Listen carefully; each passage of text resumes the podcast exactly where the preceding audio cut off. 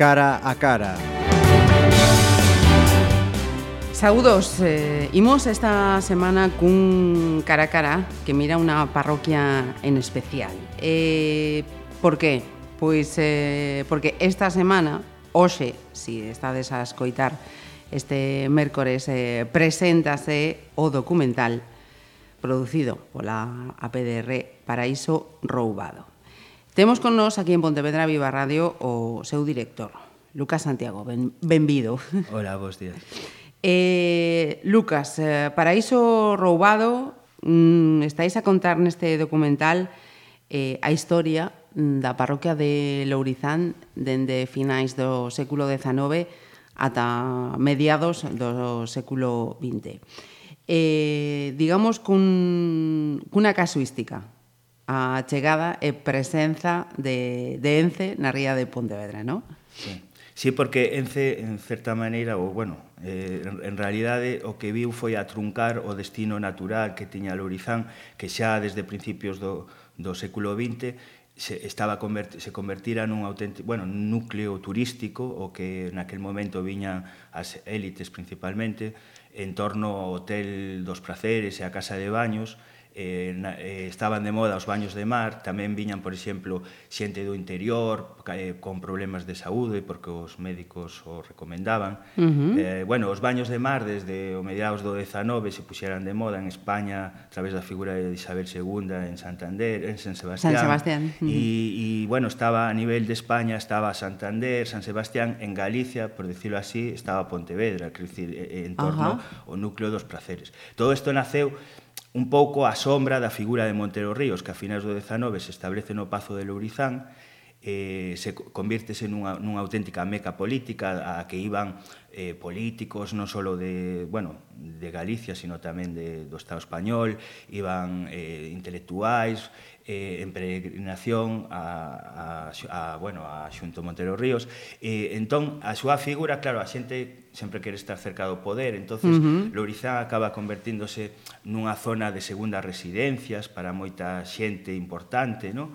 Eh, bueno, aparte de médicos, abogados, está eh, eh, personas como persoas como eh, Rivero Blanco, Blanco Rivero, perdón, que foi a rector da Universidade de Santiago e alcalde de Santiago, que estaba na Casa da Galería eh, ali en Praceres, ou eh, o pintor Sobrino, unha serie de personaxes, uh -huh. e eh, eh, o propio Montero Ríos foi o que crea o hotel eh, o gran hotel de Baños de Mar de los Placeres eh, e tamén a Casa de Baños. Uh -huh. Despois da súa morte no 18 eh, perdón, no 14, eh, uns anos máis tarde, en 1918, o seu fillo Abelino dona o, o hotel a, a, a, bueno, a, a Orde do Sagrado Corazón e, que é onde colexo, está o colexo que, uh -huh. que é un colexo que pervive hasta hoxe en día pero naquel uh -huh. momento el eh, donou o colexo cunha condición que lle dera educación e eh, unha comida ao día polo menos ás veciñas porque era feminino, claro, uh -huh. colexo en aquel momento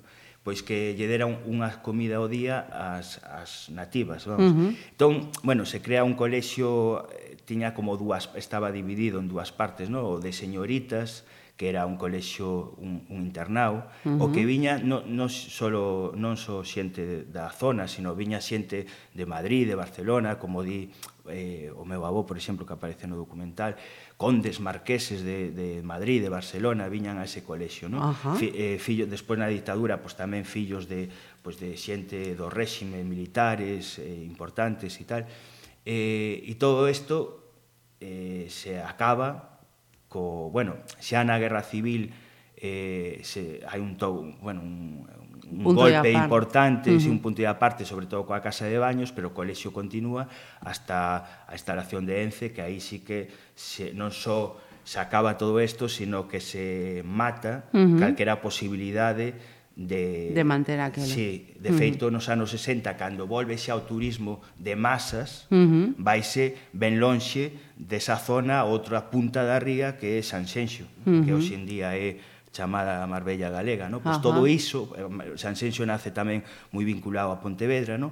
Todo iso durante toda a primeira metade do século, ou polo menos o primeiro tercio do século XX, estaba nos praceres. Ajá. Eh, nos acabas de, de contar eh, cale eh, o, o discurrir dese colexio hotel de, de placeres. Pero eh, onde situamos? Onde estaba esa casa de, de baños tamén xunto ao sí, hotel? O, a casa de baños créase como outro edificio eh, ane, bueno, non anexo, pero complementario da oferta que, que supoñía o hotel. Uh -huh. E estaba no que a praia, claro, hai que ter en conta que a praia chegaba de Pontevedra a Praceres, que era uh -huh. un, unha, bueno, un cabo, e de Praceres a Marín. Uh -huh. Entón a praia que hoxe en día queda un cachiño ali bastante perxudicado, no? porque ten o asteleiro ao lado e tal. Ajá. Toda esa praia chegaba ata Estribera, bueno, hasta Comboa, hasta a punta, de, bueno, o que chaman a Pedra Lonca, Ajá.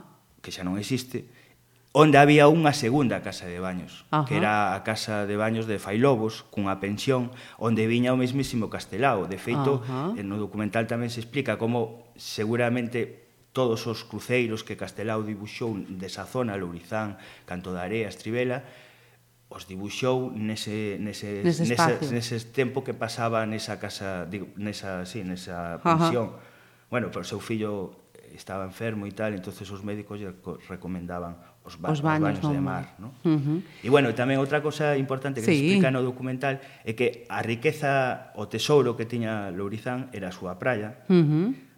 que xa non existe, Pero, en realidade, o gran tesouro xa non era desde o punto de vista turístico, sino o tesouro que, que guardaba Productivo, entre as súas areas. Non? Uh -huh. Quero dicir, a, o, o marisco que producía uh -huh. de modo natural. De, sí. Porque entonces, perdona Lucas, entonces eh, nos estabas a falar eso de ese, eh, Lourizán, de ese placeres eh, que era o, o reclamo da alta sociedade, pero tamén tiñamos o, o, o placeres, como decías, dos nativos, ¿no? da xente de ali que vivía de, por e para sí, sí. o mar. Sí, o, o, o, o propio topónimo dos placeres ven de Banco de Area, é ah. a orixe etimolóxica. Eh, era dáballe nome a non só a praia, sino tamén, o sea, ao lugar, sino tamén a virxe. Ajá. A virxe de, dos placeres ou de Quitapesares, que tamén se fala deso no documental, eh, o Quita Pesares, eh, bueno, o profesor Gonzalo Navaza, explica como eh, seguramente é un, un nome que se lle puxo no século XVI como é, é un nome de repertorio, porque a igrexa o de dos praceres o relacionaban co vicio, por decirlo así, entonces non lles parecía apropiado. Entonces, uh -huh. eh, durante esos anos eh, pues, pues, se lle puxo ese nome que non na toponimia non chegou aos nosos días, pero si sí a Armida de dos praceres ou de Quitapesares que chegou ata o século XIX, e que te, está moi relacionada coa historia da propia Pontevedra, porque na Torre da Campá da, de Santa María hai unha reproducción da mesma Virxe dos Praceres que está na Igrexa dos Praceres, porque Anda. protexía a cidade dos ataques de piratas, bueno, dos ingleses, etc.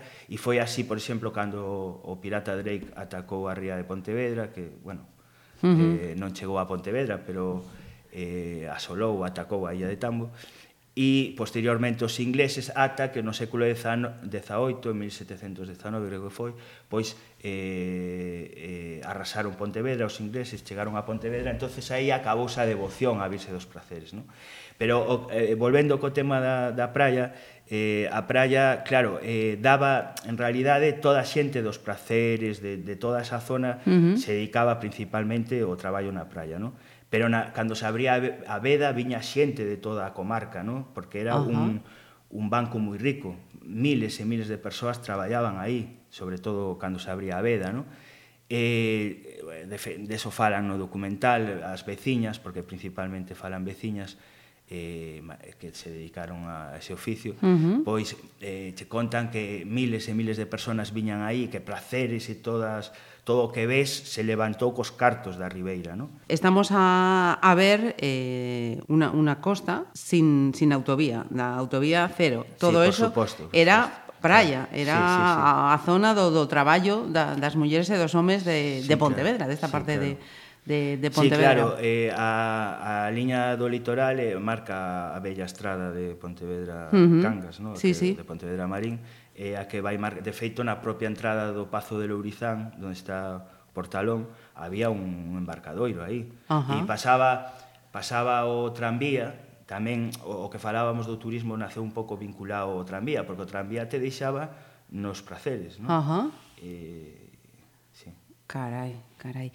Mira, e mm, este panorama, vamos a decir, mm, idílico, ¿no? de, de esta zona de, de Pontevedra, eh, se rompe eh, en que data? 1958. Bueno, a, a, a autovía, a construción da autovía que empezou xa nos anos 40 eh, xa foi un punto de inflexión porque xa foi unha agresión, unha primeira agresión que xa hubo unha resistencia, un conflito por parte dos, das veciñas principalmente, porque sempre que hubo unha agresión, que hubo máis ao largo uh -huh. do século XX, as mariscadoras de Lourizán, bueno, tamén as de Campero tal, esta, estuveron aí, fixeron fronte, ¿no? Uh -huh. E na autovía xa hubo unha protesta, pero claro, na ditadura, pois pues, bueno, digamos que era bastante difícil protestar e, e xa foi un, un primeiro mm, toque, quero dicir, golpe uh -huh. importante, pero aínda así, de feito o que pedían era que fixeran unha ponte elevada, no? pero claro, así cortaron o mar, no? pero aínda así se seguía traballando uh -huh. dentro da, da autovía, eh, de feito chamábase o mar chiquito, uh -huh. e o mar entraba polos boquetes que había, eh, entón seguiuse traballando, pero xa o que foi o bueno, o, o golpe definitivo foi a instalación da ENCE, de ENCE porque supuxo a, a destrucción de gran parte do Banco Marisqueiro, o correcheo, e ademais eh, tamén se agrediu o que quedaba por fora da autovía. De feito, o conflicto grande que, que hai no, nos anos 58, 59, o, o 10 de febreiro de 1959, cando se produce o famoso capítulo da, bueno, da, de, que ven Hernán Cortés desde Marín, cos militares, etc. Eh, Eh, eh, foi cando se empeza a dragar, ven a draga Amparo, que se chamaba Amparo, empeza a dragar no Banco Marisqueiro por fora da autovía para rechear o de dentro. entonces claro, xa lles, non só lles iban a levar o, o que estaba por dentro uh -huh. da autovía, sino que ademais lles iban a levar o, o, o banco que oh. quedaba por fora. Entón aí foi cando xa se levantaron a, as mulleres de, uh -huh. de Lourizán e de, Campa, de Campelo, no? en torno a, a 500 persoas se enfrontaron ás forzas armadas uh -huh. e, bueno, tras os graves disturbios e eh, os, os militares eh, a bayoneta calada e a culatazo limpio, pois pues, ao final se acabaron levando presas a 14 mariscadoras e eh, moitas outras acabaron no hospital militar uh -huh. e despois lles querían facer un consello de guerra, era como un modo de de frenar o conflicto, no? Quer dicir de Uh -huh. Decir, seguimos adiante e aquí ninguén sí, sí, se resiste. De feito, a, a partir dese de capítulo, pues, todo o mundo, o sea, a protesta por un, foi frenada, por decirlo así, porque xa despois de... Uh -huh. Quero dicir que realmente se saíron coa súa, no sentido de conseguir sí. frear Uh -huh. no? a... eh, eh, sen embargo non, non é un capítulo que, que conozca a maioría da, da poboación, non? No, bueno, por eso igual é importante que mm, se fagan lembralo. claro, mm -hmm. eh, traballos como este para recuperar a memoria histórica e, e eso, de, eh, explicar o que pasou, que a, esta, a instalación de ENCE non foi gratuita, quero mm -hmm. decir, non foi... É certo que en Pontevedra, pois ao parecer, nese momento se facían festas, no, bueno, no, Sí, sí, conta, conta. Sí, sí, no, sí. no casino ou, mm -hmm. ou etcétera, no?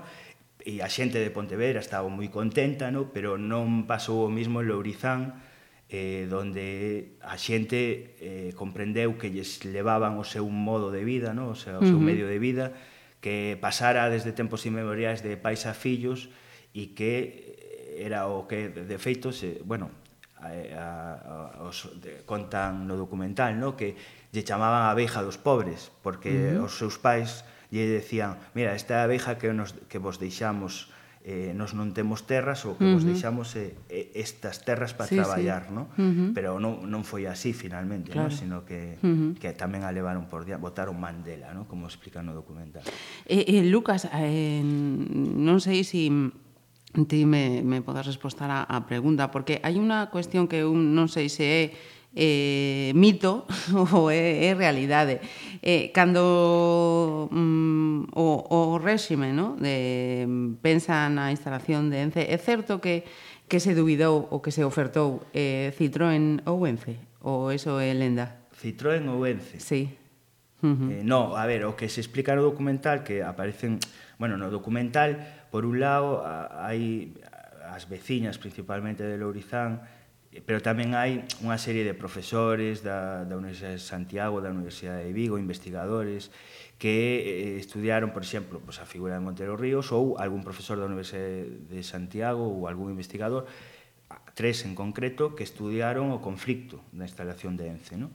E, bueno, eh, por exemplo, o profesor Rico Boquete explica que se barallaron hasta cinco posibilidades en Galicia, na Ría de Arousa, na Ría de, de Pontevedra. De feito, en Pontevedra, eh, tamén se barallaron os terrenos do Bao ou en, ou en, en, en na Ría de Vigo onde se instalou finalmente a, Pontes, a Pontesa. Uh -huh. O que sí que é certo é que tanto na Ría de Vigo como na Ría de, de Arousa hubo un, un, bueno, unha posición frontal desde o primeiro momento, eh, por exemplo, pola, polo sindicato da, da horizontal da, ou vertical, sí, do perdón, momento. Da, uh -huh. da, da, da conserva, do mar uh -huh. e tal, que fora que, que apoyara a Franco na Guerra Civil, co cual tiña moito poder. Ou, en, entón, eh, aí se descartou, descartouse desde o primeiro momento e en Pontevedra, en cambio, dende a cidade de Pontevedra, as forzas vivas pois apoyaron que se que fora Pontevedra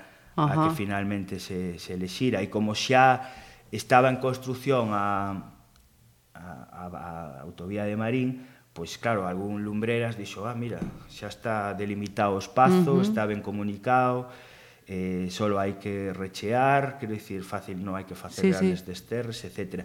O, o de Vigo, supoño que por donde van os tiros, é que, ou tal como vexo eu, no? é que tamén se barallou a Ría de Vigo pa, pa esta, e quedou descartado e que finalmente a Vigo se levou Citroën. E uh -huh. Citroën sí que é unha, unha empresa que aparte de que non é tan contaminante e tal, move a cidade, non? É como un motor que tira da cidade. Non se pode dicir o mismo de Ence en Pontevedra, máis ben é un lastre uh -huh. que nos queren condenar a 60 anos máis, non? Eh, mira, eh, Lucas, como eh, comeza esta, esta idea, este proxecto, como se fai ese traballo de, de campo, de, de producción, de decir... Mm. De, de, de recollida de, de, de datos.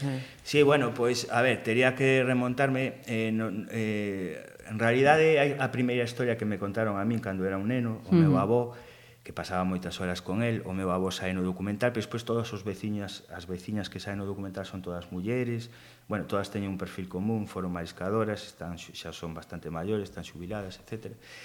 Eh, porque, bueno, o que estamos contando foi o que decía, no? eu uh -huh. quería destacar dos aspectos. Sí. Por un lado, Eh, eu quería darlle a voz aos veciños de Lourizán porque non se soe facer, non? Cando se uh -huh. fala de Lourizán e de Ence non son os veciños de Lourizán ou as veciñas as que falan, non? Sino que son xente de outra uh -huh. de outros lugares, non?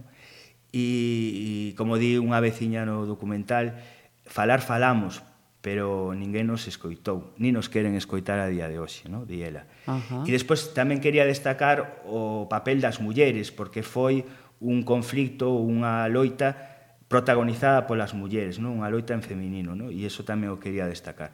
E sobre o que me preguntas, bueno, como te decía, foi a primeira historia que me contaron de pequeno, aínda así eu nací coa idea de, de, de, de, de que a, a parroquia onde nacera, o sea, eu medrei coa, coa idea de que a parroquia onde nacera era un lugar feo, marxinal, uh -huh. pero foi de maior cando empecé a atar cabos e ver que o, que o meu avó eh, Contaba. contara pois que non só era certo, sino que se quedara curto, No? Uh -huh. eh, eh, bueno, eu eh, eh, estudiei historia, entón eh, ta, eh, eh, é algo que me fascina a historia, uh -huh. entonces ao largo dos anos fun acumulando documentación, o, eh, fume empapando do que me contaban outros veciñas, no? principalmente. Despois, eh, a entrevista, eu empecé con este proxecto no 2007, Ajá. Entrevista, coa entrevista eh, eh, do meu avó, uh -huh.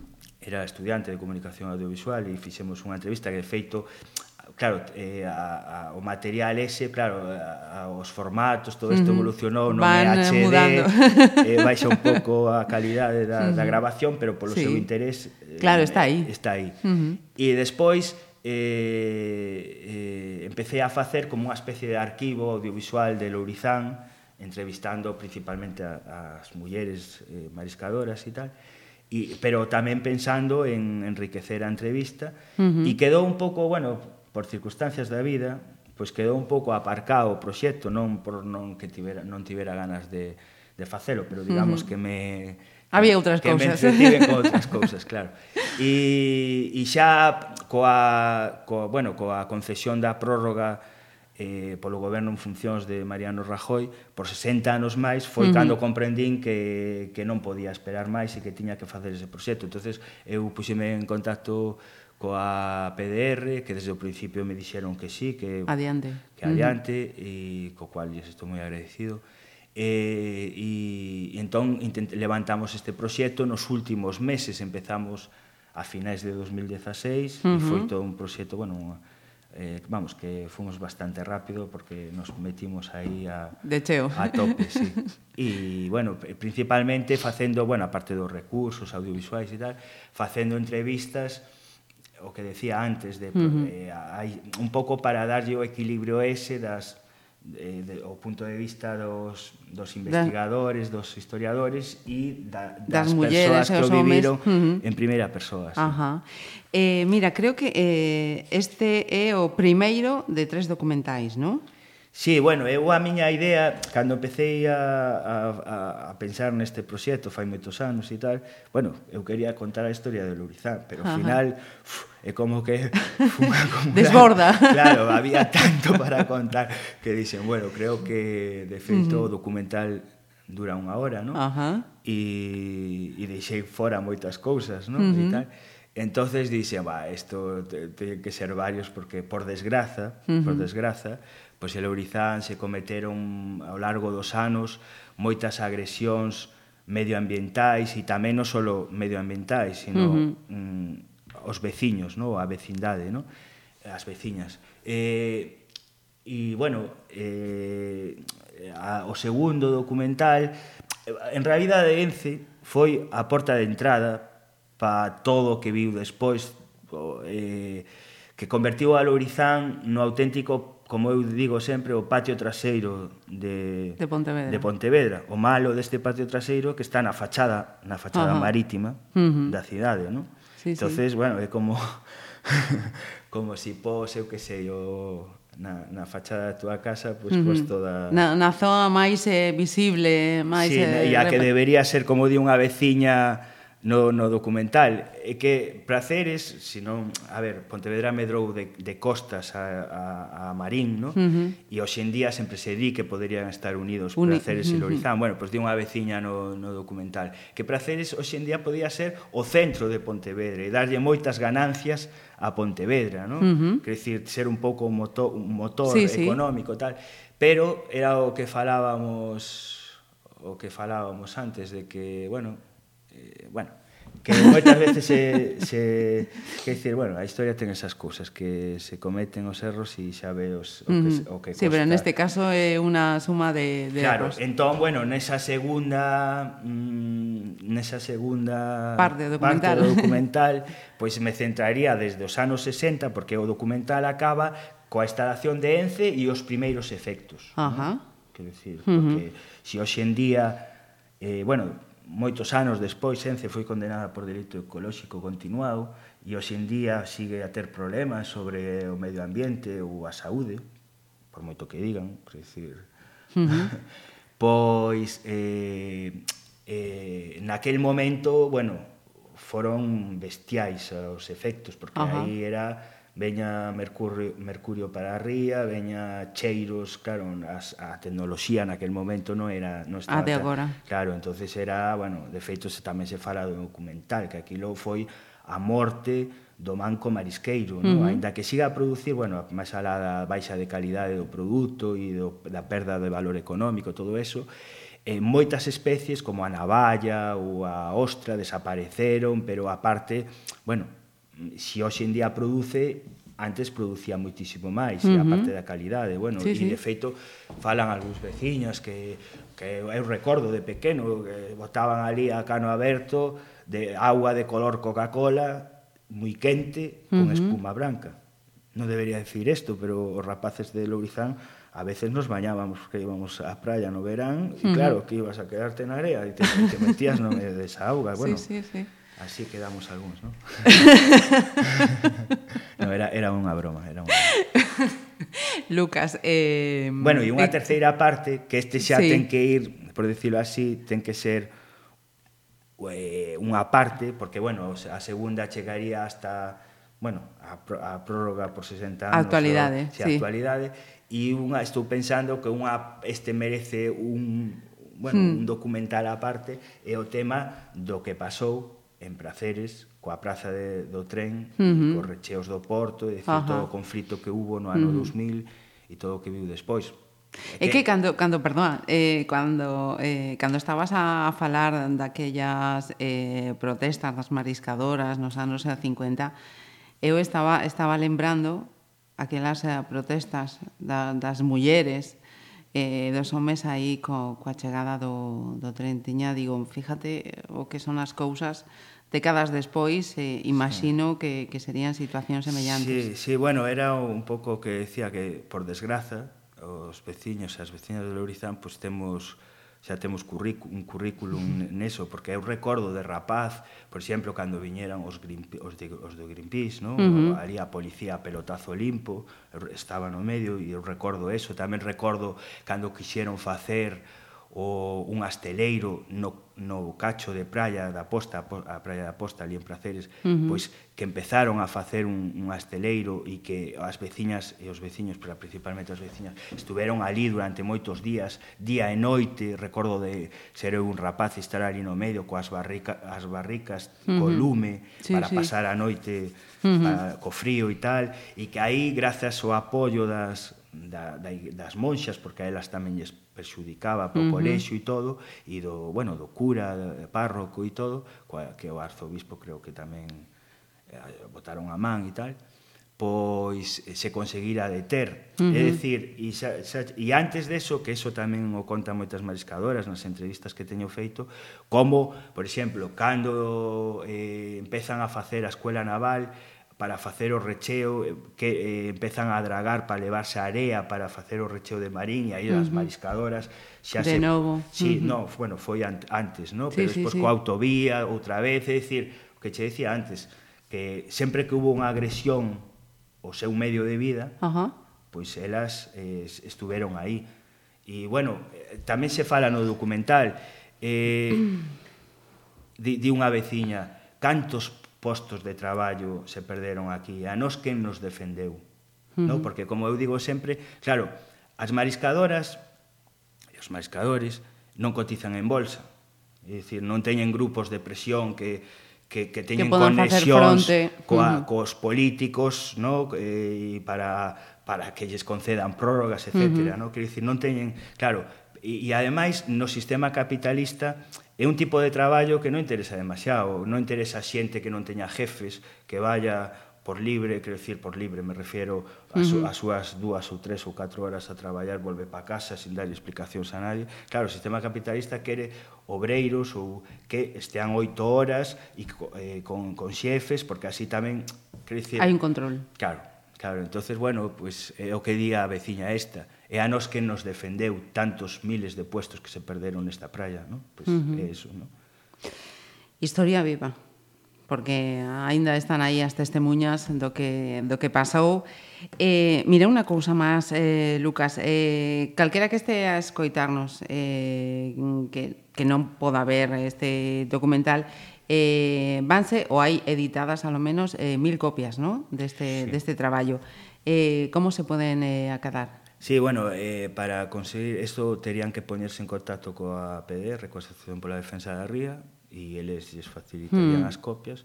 Uh -huh. E supoño que, eh, bueno, esta a estrela que en, Eh, eh, se Movela. irá, se, claro, que se irá proxectando en diferentes uh -huh. localidades. Ajá. Ah, o sea, que non vai ser só aquí en Pontevedra, sino que vais facer una, no, unos que, bolos, ¿no? Es, esperemos que non sea só en Pontevedra, uh -huh. co traballo que... A intención, eh. Claro, que... que teña a maior uh -huh. difusión posible e divulgación por isto que estábamos falando, que moitas destas cousas, incluso moita información que aparece no documental, que vai a sorprender mm. moitas cousas porque non é, é descoñecida. Non, non son uh -huh. cousas que a xente, información que a xente manexe, pois que mm, eh, había que poñela sobre a mesa. Ajá. ¿no? Despois cada un que se faga as súas conclusións, pero eh, poñer, eso, eh, poñer esa información... Os datos, a información datos sobre a mesa, sobre a mesa eh, logo que, que cada quen claro, claro, faga porque, a súa análise. Claro, porque son moitas cousas, o sea, son cousas que moitas veces a xente non manexe, que incluso se din a veces auténticas falacias, ¿no? porque eu teño escoitado falando sobre o tema de Ence, por exemplo,